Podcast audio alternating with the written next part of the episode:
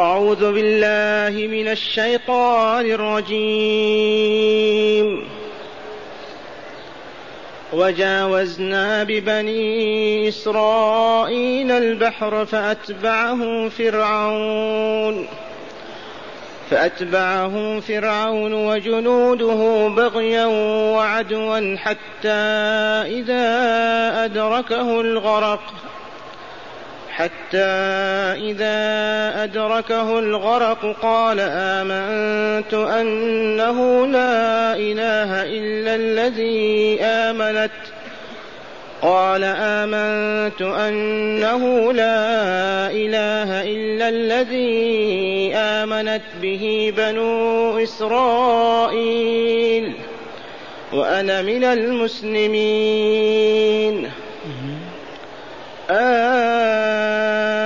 الآن وقد عصيت قبل وكنت من المفسدين. فاليوم ننجيك ببدنك لتكون لمن خلفك آية.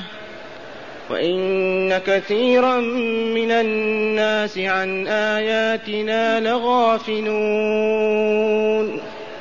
معاشر المستمعين والمستمعات من المؤمنين والمؤمنات. قول ربنا جل ذكره وجاوزنا ببني إسرائيل البحر. فمن هم بنو إسرائيل؟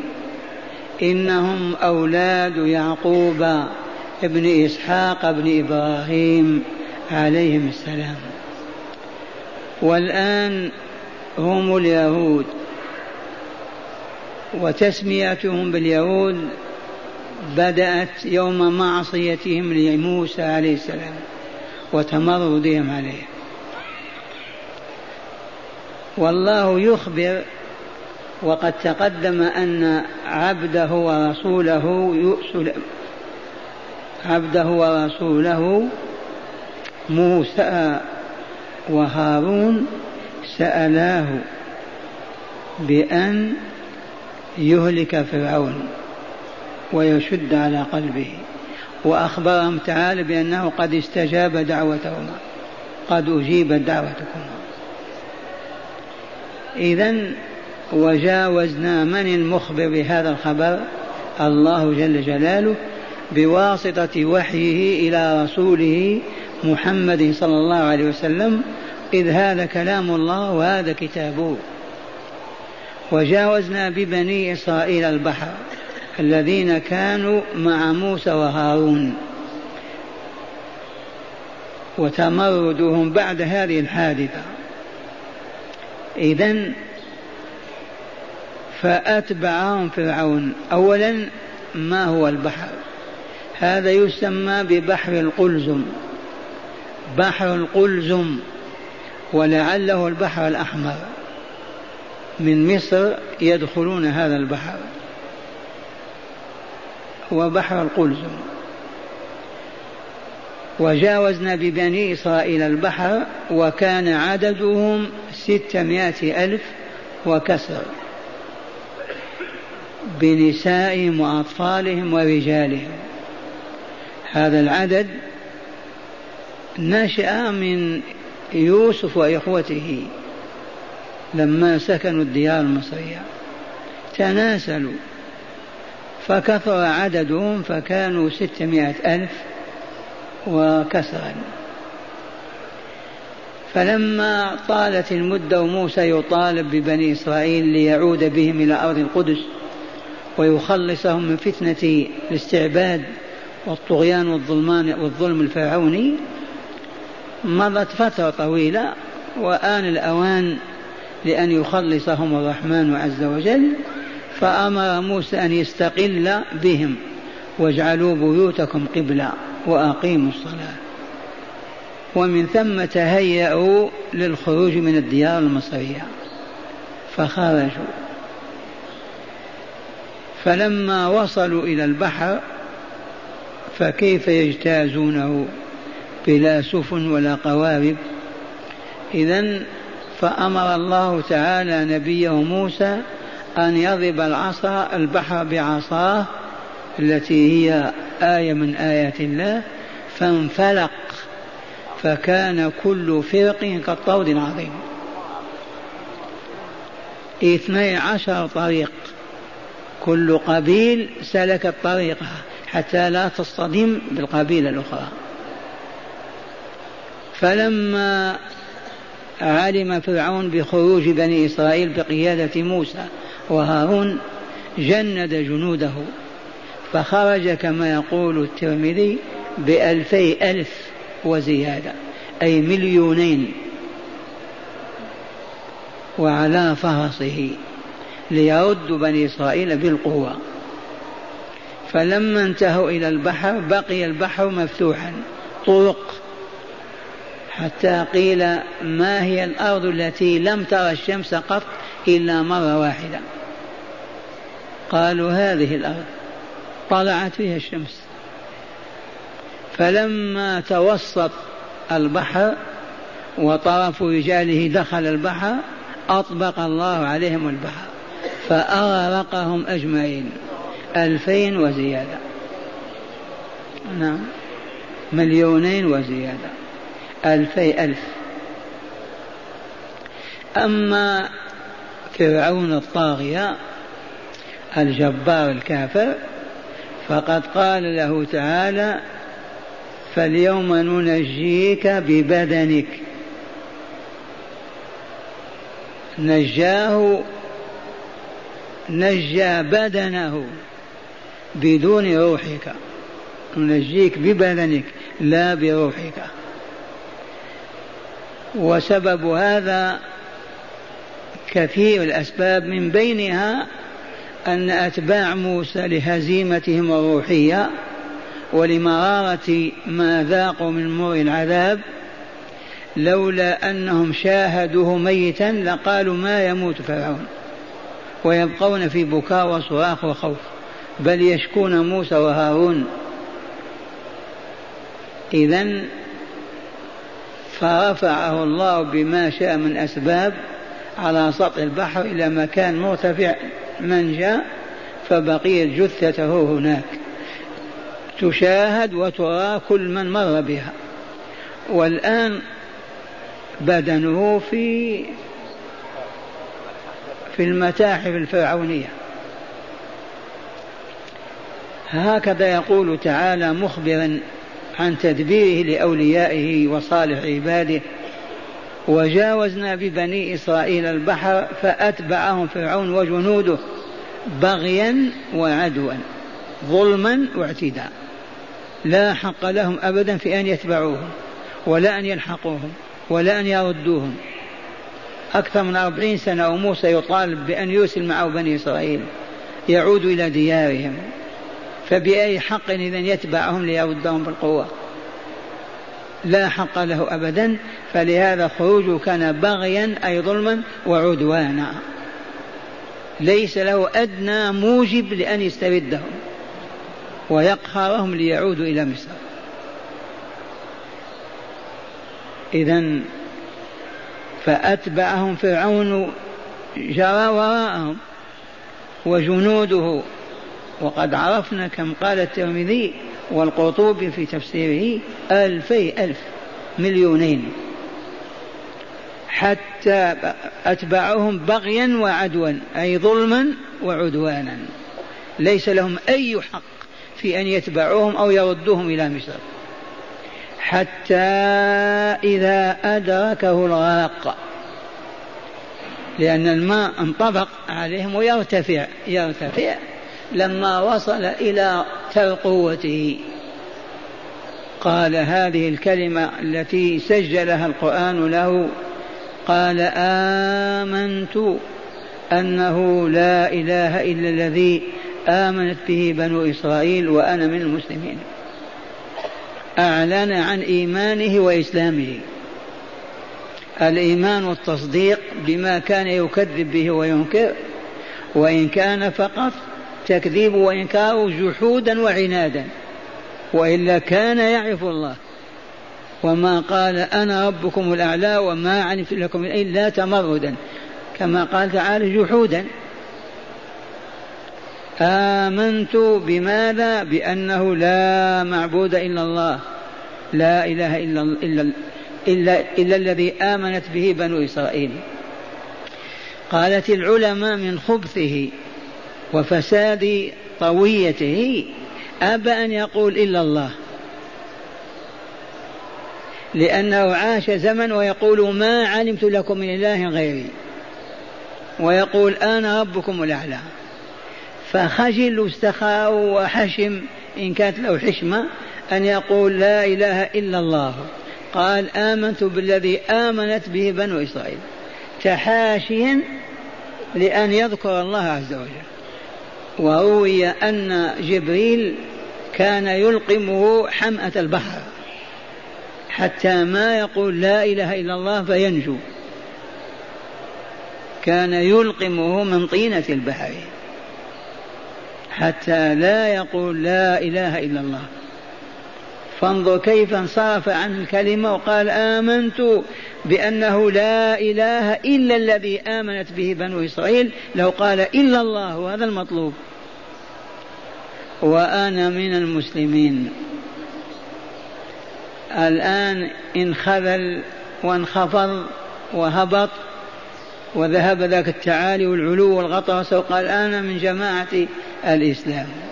الذين يسلمون قلوبهم ووجوههم لله. فلا يعبدون إلا الله ولا يعصونه ويتمردون عليه في أوامره ونواهيه. أولئك المسلمون. فأجابه تعالى بقوله آلآن هذا أوان الإسلام وقد عصيت قبل وكنت من المفسدين. وهنا يقول الرسول الكريم صلى الله عليه وسلم تقبل توبة العبد ما لم يغرغر تقبل توبة العبد ما لم يغرغر والغرغر هو تحريف الصوت لأن الروح ارتفعت إلى الحلقوم. وفي القرآن الكريم إنما التوبة للذين يعملون السوء بجهالة ثم يتوبون بقريب فأولئك يتوبون. وليست التوبة للذين يعملون السيئات حتى إذا حضر أحدهم الموت قال إني تبت الآن. ولا الذين يموتون وهم كفار. مرة ثانية يقول الرسول الكريم واحفظوا تقبل توبة العبد ما لم يغرغر هل يصعب على أبنائنا حفظ هذا الحديث؟ تقبل توبة العبد ما لم يغرغر أما قبل أن تصل الروح إلى الحلقوم لو فعل ما فعل وقال آمنت بالله تبت إلى الله قبل توبته. ففرعون غارت ووصلت هنا الغرق وصل إلى حلقومه. والآية صريحة وليست التوبة للذين يعملون السيئات حتى إذا حضر أحدهم الموت. قد يشاهد ملك الموت وأعوانه. فإذا شاهد ملك الموت لا تقبل له توبة. أما قبل ذلك وإن ارتفعت الروح من رجليه إلى بطنه إلى كذا ما لم تصل إلى حلقومه فآه تعالى يؤنبه ويرد عليه بقوله الآن هذا وقت الإيمان والإسلام؟ وقت الإيمان والإسلام مضى. أيام كنت تقوى على أن تصلي وتصوم. أيام كنت تقدر على أن تعبد الله وتوحده. ما هو الآن؟ الآن وقد عصيت قبل عصى الله وعصى رسوله موسى وتمرد عليهما. وكنت من المفسدين في الأرض. وأي فساد في الأرض أكبر ممن يدعي الألوهية والربوبية. أكثر من يستعبد ويستغل الأفراد ويتعبهم في مصالحه وظلمه وفساده لا حد لهما. ويكفيه أن يسجل الله عليه و... وأنت وكنت من المفسدين في الأرض. عبارة ينبغي أن لا ننساها. الفساد في الأرض والصلاح فيها. لو سئلت ما الفساد في الأرض وما الصلاح بما تجيب؟ الجواب الصلاح في الأرض يكون بعبادة الله تعالى وهي طاعته في أوامره ونواهيه. إذ ما أمر ولا نهى إلا للإصلاح والله العظيم.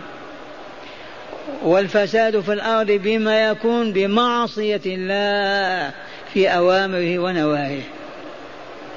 مرة ثانية. معشر المستمعين والمستمعات. بما يكون الصلاح في الأرض وبما يكون الفساد.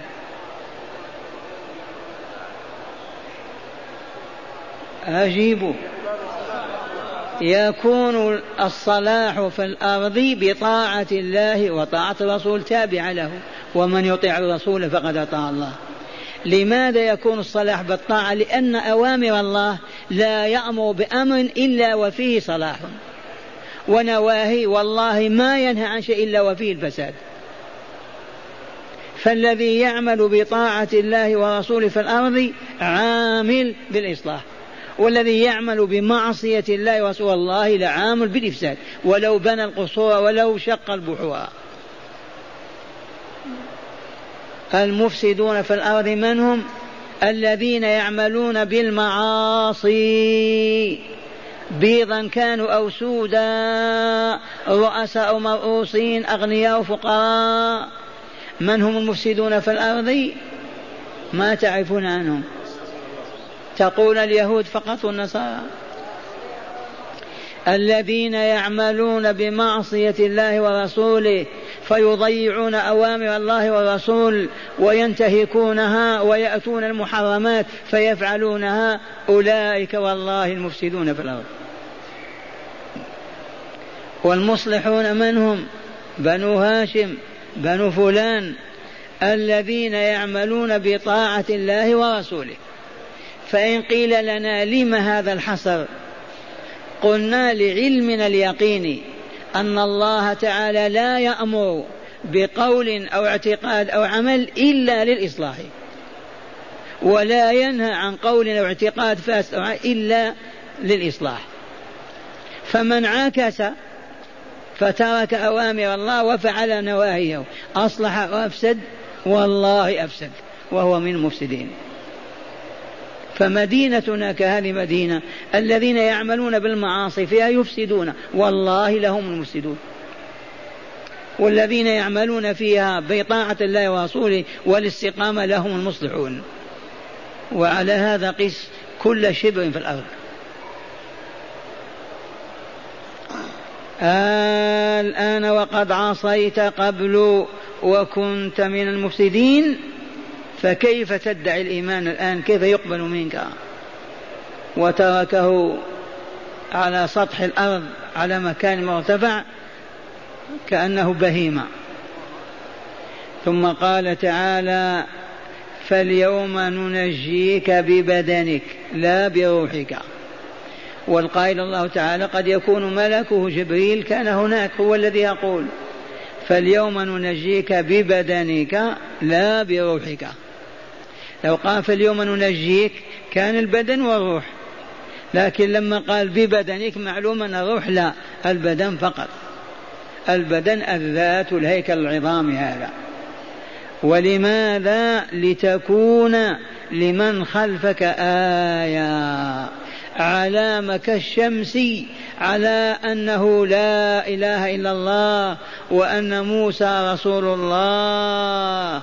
وأن فرعون كان على الباطل وموسى كان على الحق وآية أيضا لقوم موسى حتى يستريحوا ويطمئنوا من القلق لما شاهدوا فرعون قد مات. وكذلك أتباع فرعون يشاهدونه ميتا لأنهم قد يقولون ما يموت. لطيفة عندنا في منطقة كان قائد جبارا. مسلم وطالت حياته. لما مات والله كثير من القرى قالوا ما يموت. ما صدقوا أنه مات. عرفتم طبيعة البشر. فلولا أن الله تعالى أظهر جثته بدنه لكثير يقولوا ما يموت ابدا. سوف يجيء. في يوم من الأيام يخرج.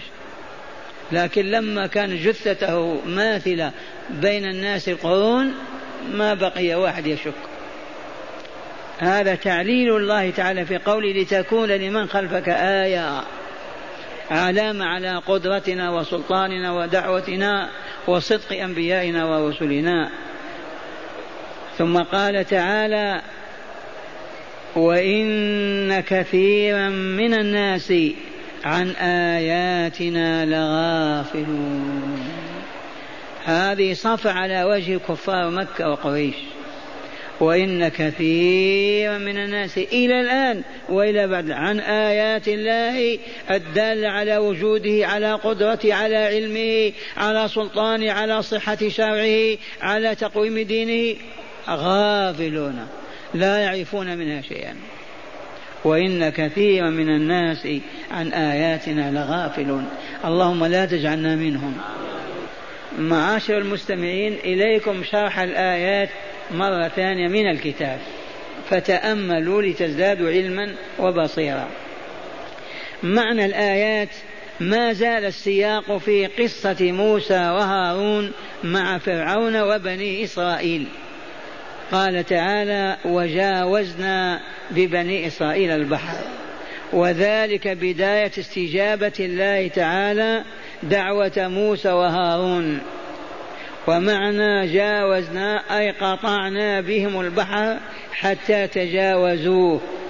وذلك بأن بأن أمر موسى أن يضرب بعصاه البحر فضرب. فانفلق البحر فكان كل فرق كالطود العظيم. الجبل العالي. ويبست الأرض. ودخل موسى مع بني إسرائيل. يتقدمهم جبريل عليه السلام. لطيفة أحد بني إسرائيل وهو من يذكر من سورة طه. السامري.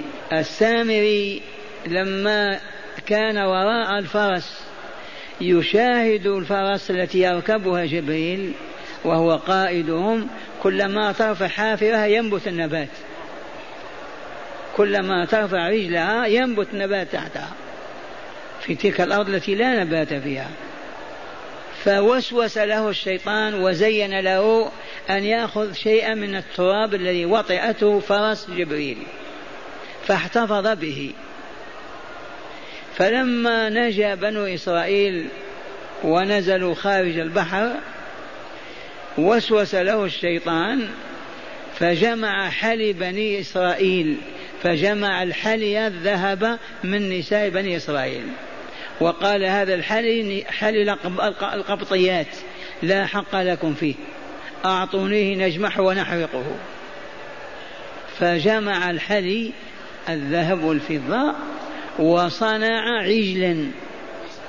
بذلك الذهب والفضة. صنع عجلا وصار ينفخ فيه لأنه مجوف فيصبح له صوت. فلما تركهم موسى عليه السلام وذهب إلى الله بجبل الطور ليأتيهم بالقانون بعدما استقلوا لا بد من قانون يحكمهم به.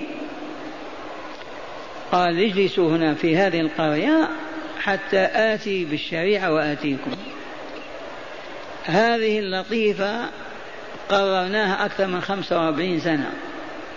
وقلنا المفروض في الإقليم الذي يستقل عن الدولة الكافرة أن يطلب دستورا وقانون يحكم به بلاده. أليس كذلك؟ هذا موسى عليه السلام لما استقل بما يحكم بني إسرائيل؟ فذهب إلى الله إلى الطور ليأتيه بالقانون والدستور. فإخواننا العرب والمسلمون كلما استقل إقليم عن دولة كافرة يطبق إقليمها شرعها. وكان المفروض والله العظيم لو أراد الله بهم خيرا لكان أول إقليم يستقل يأتي إلى عبد العزيز. استقللنا خرجت بريطانيا من ديارنا. ابعث لنا علماء أعطينا الدستور. فهمتم هذه؟ أقسم بالله لو كنا صادقين. أعظم من هذا استقل هذا الإقليم يقول استقللنا ابعث لنا علماء ووالي عنك يحكمون ألسنا مسلمين؟ هل يجوز استقلالهم؟ والله ما يجوز. هذه أمة واحدة. فلو ألهمهم الله وما فتنهم الشيطان كل ما استقل الإقليم يا سلطان عبد العزيز وهم يشاهدون الدولة القرآنية الأمن والطهر والصفا. لكانت أمة الإسلام أمة واحدة من أندونيسيا إلى موريتانيا. كل ما يستقل الإقليم يبعث رجاله يبعث لنا قضاة وابعثوا لنا واليا عاما هل فعلوا؟ هل فعلوا؟ حتى الدويلات هذه الممسوخة ما فعلت. ولكن هل قرأوا هذا القرآن؟ موسى عليه السلام وأخوه هارون نبيان رسولان ومع هذا قال اجلسوا حتى آتيكم بالدستور من الله عز وجل. لما ذهب زين لهم الشيطان والسامري فقال لهم هذا هو إلهكم وإله موسى. موسى تأخر. بدل ما يرجع في شهر تأخر أربعين يوما. هذا هو إلهكم وإله موسى فنسيه. فعاكفوا حوله يعبدونه. إلا من سلم الله عز وجل. فلما رجع موسى وجدهم يعبدون العجل. وأحرق ورمى به في البحر. والشاهد عندنا قال جاوزنا أي قطعنا بهم البحر حتى تجاوزوه. وذلك بأن أمر موسى أن يضرب البحر بعصاه فضربه فانفلق. البحر فكان كل فرق كالطود العظيم. ويبست الأرض ودخل موسى مع بني إسرائيل يتقدمهم جبريل عليه السلام على فرس. لو ما كان جبريل في صورة إنسان وعلى فرس ما يؤمن اليهود. بنو إسرائيل. ما يصدقوا ما يدخلون البحر. يقول الآن نغرق لكن جبريل يقودهم يتقدمهم. حتى تجاوزوا البحر إلى الشاطئ وجاء فرعون على قومه ومعه ألوف المؤلف ألوف الجنود. وجاء فرعون على فرسه ومعه ألوف الجنود. فتبعوا موسى وبني إسرائيل فدخلوا البحر. فلما توسطوا أطبق الله عليهم البحر فغرقوا أجمعين. إلا ما كان من فرعون فإنه لما لما أدركه الغرق أي لحقه ووصل الماء إلى حلقه أعلن عن توبته فقال آمنت أنه لا إله إلا الذي آمنت به بنو إسرائيل وأنا من المسلمين. قال ولكبريائه لم يقل لا إله إلا الله أبدا ولو قالها لتاب الله عليه فأنجاه. لكن أبى بل قال لا إله إلا الذي آمنت به بنو إسرائيل تحاشي أن يقول الله وهو يعرف أنه الله. وقوله وأنا من المسلمين مبالغة في طلب النجاة من الغرق بالتوبة حيث أعلن أنه من المسلمين أي المستسلمين المنقادين لأمره. فرد الله تعالى عليه بقوله الآن أي وقت التوبة والإسلام بعد الإيمان. وقد عصيت قبل وتمردت على الله وشرعه وكفرت به وبرسوله وكنت من المفسدين للبلاد والعباد بالظلم والشر والفساد. فاليوم ننجيك أي نجعلك على نجوة من الأرض أي مرتفع منها ببدنك فقط بجسمك دون روحك. وبذلك لتكون من لمن خلفك أي بعدك من الناس آية أي علامة على أنك عبد مربوب وليس كما زعمت أنك رب وإله معبود. وتكون عبرة لغيرك فلا يطغى طغيانك ولا يكفو كفرانك فيهلك كما هلكت. وقوله تعالى وإن كثيرا من الناس عن آياتنا لغافلون إخبار منه بواقع الناس. ومن أولئك الغافلين عن آيات الله وهي تتلى عليهم أهل مكة من كفار قريش. وما سبق هذا القصص وما سيق هذا القصص إلا لأجل هدايتهم لو كانوا يهتدون. وما بقيت هذه الآية تتلى إلا من أجل هداية البشر لو كانوا يهتدون. تذكرون أن للآيات هدايات؟ من هداية الآيات أولا لا تقبل التوبة عند معاينة العذاب. لا تقبل التوبة عند معاينة العذاب. لو أن شخصا زنى أو فجر وقتل لما شاهد سيف القاتل قال توبوا ما تنفعه. لما شاهد العذاب. لا تقبل التوبة عند معاينة العذاب. وفي الحديث الصحيح تقبل توبة العبد ما لم يغرغر تقبل توبة العبد ما لم يغرغر ثانيا أكمل الأديان وأفضلها ما هو؟ الإسلام. باعتراف فرعون الآن من المسلمين. أكمل الأديان وأفضلها الإسلام. ولهذا ولهذا أهل اليقين يسألون الله تعالى أن يتوفاهم مسلمين. ولهذا أهل اليقين يسألون الله أن يتوفاهم من المسلمين ويوسف بنفسه. توفني مسلما وألحقني بالصالحين. ثالثا فضل لا إله إلا الله. فقد ورد أن جبريل كان يحول بين فرعون وبين أن يقول لا إله إلا الله فينجو. فلم يقلها فغرق وكان من الهالكين. رابعا تقرير حقيقة وهي أن أكثر الناس في هذه الحياة غافلون عما يراد بهم. ولهم ولم ينتهوا حتى يهلكوا والعياذ بالله تعالى.